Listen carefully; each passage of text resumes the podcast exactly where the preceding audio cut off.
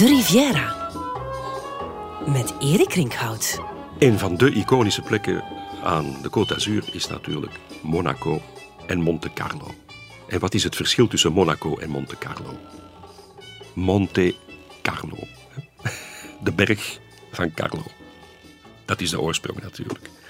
Maar het begint eigenlijk allemaal in 1785. Een zekere Abbé Dupaty, een Franse jurist en letterkundige, vriend van Diderot, maakt een reis naar Italië. Hij schrijft de Lettre sur l'Italie. Gelukkig geen typisch reisverslag. Geen grand tour zoals we ze kennen, ook van de Engelsen, zoals in die jaren wel veel meer verschenen. Nee, Dupaty concentreert zich op beschrijving van het menselijk gedrag, zeden en gewoonten. Van de hogere klasse, de adel, de geestelijkheid, maar ook van de gewone mensen, die vaak onder ellendige omstandigheden moeten zien te overleven. En hij bezoekt in een aantal steden de ziekenhuizen. Hij ziet dat als een perfecte graadmeter van de stand van zaken van een maatschappij. En dat is ook de reden waarom we zijn werk nog altijd lezen. Het blijft, blijft interessant om het te lezen. Een scherpe en soms grappige analyse van de Italiaanse samenleving, ten tijde intussen al van de verlichting.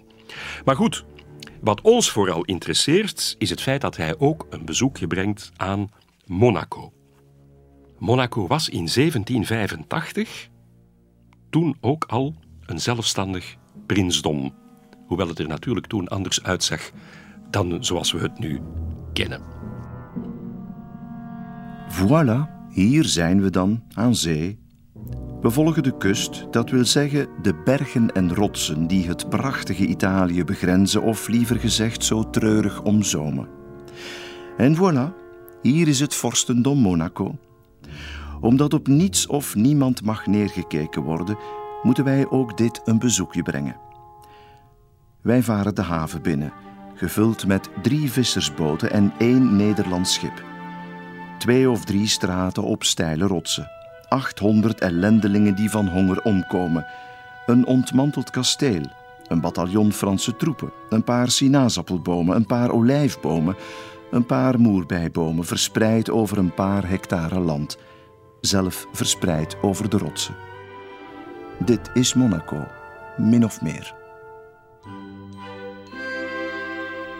Tja, Monaco in 1785 is anders dan het Monaco van nu. En bij aankomst moeten Abbé Dupaty en zijn reisgezellen hun namen opgeven bij de havenmeester. En het klinkt bijna onwaarschijnlijk, maar de havenmeester vinden ze in een winkeltje waar hij zijn eigen schoen aan het repareren is. Dupaty merkt op dat de prins van Monaco ondanks alles zeer geliefd is bij zijn bevolking. En dat zijn staatje zo klein is, schrijft Dupaty, ja, daar kan de prins ook niets aan doen. Op dat moment is het staatje nog wel wat groter dan vandaag. Het beslaat ongeveer 25 vierkante kilometer, waar ook Menton en Roquebrune toe behoren. En de prins is op dat ogenblik natuurlijk net als vandaag een Grimaldi. En het is heel leuk, dat is ook een van de redenen natuurlijk waarom je in Menton nog altijd een Grimaldi-paleis aantreft, waar nu het huidige Musée des Beaux-Arts in gevestigd is. De Grimaldis hebben uiteraard plekken, paleizen, eigendommen over de hele Côte d'Azur. Dat is historisch zo bepaald. Honoré Grimaldi is de zoveelste telg uit het Grimaldi-geslacht dat al sinds de 15e eeuw over Monaco regeert. Wat prins Honoré op dat ogenblik niet weet, is dat hij negen jaar later van zijn troon gewipt zal worden door de Franse revolutionairen. Dat hij twee jaar later veroordeeld zal worden tot een levenslange gevangenisstraf omwille van hoogverraad en dat hij hetzelfde jaar ook nog zal overlijden aan een hartaanval.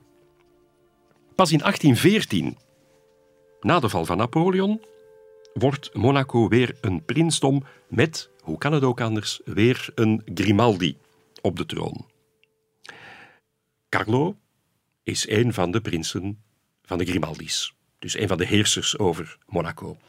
Monaco was toen veel groter dan nu, maar die steden komen op een bepaald moment in opstand, willen onafhankelijk worden en op die manier zullen de Grimaldi's de inkomsten uit citrusvruchten kwijtraken, hebben een financieel probleem. Het is dan dat de toenmalige heerser, Carlo III, erop komt: zouden we geen casino laten bouwen? Een casino dat in een aantal kuuroorden in Duitsland een groot succes al was. En dat hebben ze ook gedaan. Ze hebben eerst een klein casinootje gebouwd in de oude stad. Dat was niet zo'n groot succes. Men is daarna op een berg aan de haven, de Monte Carlo. Daar is men het nieuwe casino beginnen bouwen. En dat heeft wel gokkers uit de hele wereld aangetrokken. Het is intussen een van de iconen natuurlijk van Monaco. Het casino wordt uitgebaat door een zekere meneer François Blanc, een Franse zakenman die al een succesvol casino exploiteerde in Baden-Baden, het bekende Duitse kuuroord. Hij betaalt 50.000 frank huur per jaar en hij staat 10% van zijn netto-winst van het casino af aan de Grimaldi's. En dat blijft tot op de dag van vandaag een belangrijke bron van inkomsten voor het vorstendom. François Blanc richt ook een vennootschap op voor het beheer van die nieuwe onderneming. De Société des Bains de Mer et du Cercle des Étrangers. En het merkwaardige is toch wel dat één van de aandeelhouders de paus is. De toekomstige paus Leo XIII. Heel merkwaardig, want gokken wordt op dat moment door de katholieke kerk streng veroordeeld. Het is een succes en het succes wordt alleen maar groter op het moment dat vanaf 1870 de ijzeren weg, de spoorweg, arriveert in Monte Carlo. Het hek is dan helemaal van de dam en dus blijven de goklustigen toestromen om er in het casino roulette te spelen. En het casino zal nog verschillende keren verbouwd worden en uitgebreid worden. De naam roulette is gevallen en het roulettewiel zou in 1655 uitgevonden zijn door de beroemde Franse wetenschapper Blaise Pascal. Hij vond de roulette niet uit, maar hij was eigenlijk op zoek naar een perpetuum mobile. Een experiment dat uiteraard mislukt, maar uit het proces werd wel een van de meest populaire casinospellen aller tijden geboren. Of dit verhaal klopt of niet, laten we nog in het midden. Maar in elk geval is die uitvinding eeuwen later de financiële redding van de familie Grimaldi. Ze verdienen er tot op de dag van vandaag fortuinen mee. Het is tegelijkertijd ook een uitvinding waar iets onfatsoenlijks aan kleeft natuurlijk. Want je wil je niet voorstellen hoeveel persoonlijke drama's zich dagelijks in het casino afspelen. En dat is al van de 19e eeuw tot nu het geval. Toch, zeker wanneer je de reisverslagen uit de 19e eeuw leest, blijf je je verbazen over de onweerstaanbare aantrekkingskracht die Monte Carlo en zijn casino uitoefende en bleef uitoefenen. Een bezoek aan de Riviera moest gepaard gaan met toch minstens één bezoek aan het casino. En dat was voor Georges Sand niet anders. In 1868 publiceert zij haar Nouvelle Lettre d'un voyageur de Marseille à Menton. En wat ze daarin schrijft over Monte Carlo is ontluisterend. Het is voor haar een oord van verderf, een plek waar ze helemaal niet wil zijn. Begrijpelijk ook, ze is naar de Riviera gekomen om rust te vinden, om er te genieten van de natuur. En het contrast met Monte Carlo kan niet groter zijn. Maar wat opvalt, en niet alleen in haar reisverslag, is dat vooral vrouwen aan de roulette-tafel te vinden zijn. Vreemde tegenstelling. Na het verlaten van deze grootheden van de natuur word je geworpen in de vuiligheid van de moderne beschaving.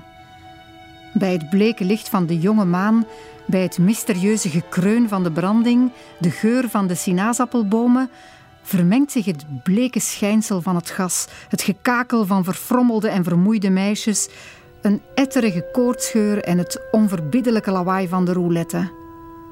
Er spelen jonge vrouwen, terwijl op de sofa's de verpleegsters hun kinderen verzorgen. Een mooi klein meisje van vijf of zes jaar sleept zich voort en valt in slaap overweldigd door vermoeidheid, hitte en verveling. Vergeet haar miserabele moeder haar of droomt ze ervan een bruidschat voor haar te verdienen?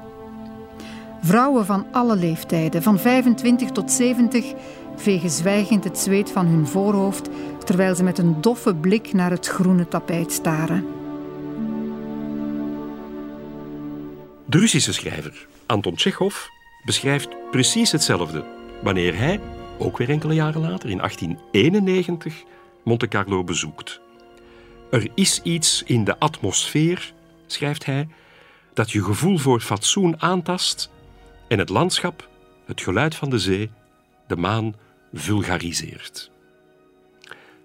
Anderzijds moet Tsjechov toegeven dat het spel, het spel met de roulette, angstaanjagend fascinerend is. En in een brief aan het thuisfront beschrijft hij de opwinding die hij ervaart aan de roulette-tafel. Op een bepaald moment puilen zijn vestzakken uit van het goud en het zilver.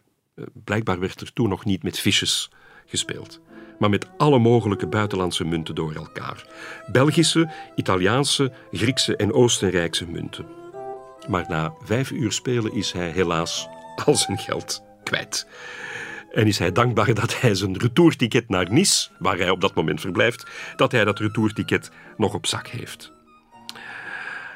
Al bij al was de ervaring van Tsjechov in Monte Carlo nog niet zo slecht geweest. Iets om later aan de kinderen te vertellen, schreef hij. Toch was er één ding waar hij zich bijzonder aan gestoord had. Hij had er namelijk gegeten in een luxueus restaurant waar hij het gevoel had dat hij vreselijk afgezet werd. Elk gerecht is een regelrecht kunstwerk, waarvoor men geacht wordt de knie te buigen in hulde en vereerd te zijn om het te mogen eten. Elk hapje is opgetuigd met veel artisjokken, truffels en allerlei soorten nachtegaaltongetjes. En mijn hemel, wat is dit leven verachtelijk en afschuwelijk, met zijn artisjokken, zijn palmen en zijn geur van oranjebloesem. Ik hou van rijkdom en luxe, maar de luxe hier, die doet denken aan een luxueus watercloset.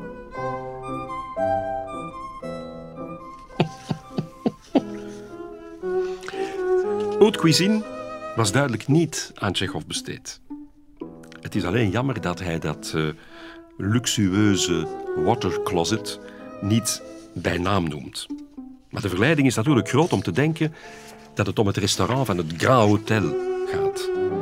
Waar nog niet zo lang daarvoor de jonge hotelmanager César Ritz een op dat ogenblik nog onbekende chef de cuisine heeft aangeworven.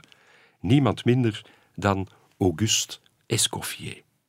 Het is het begin van een buitengewone samenwerking die zal leiden tot het ontstaan van de internationale luxe hotelindustrie met Ritz-hotels in alle grote steden.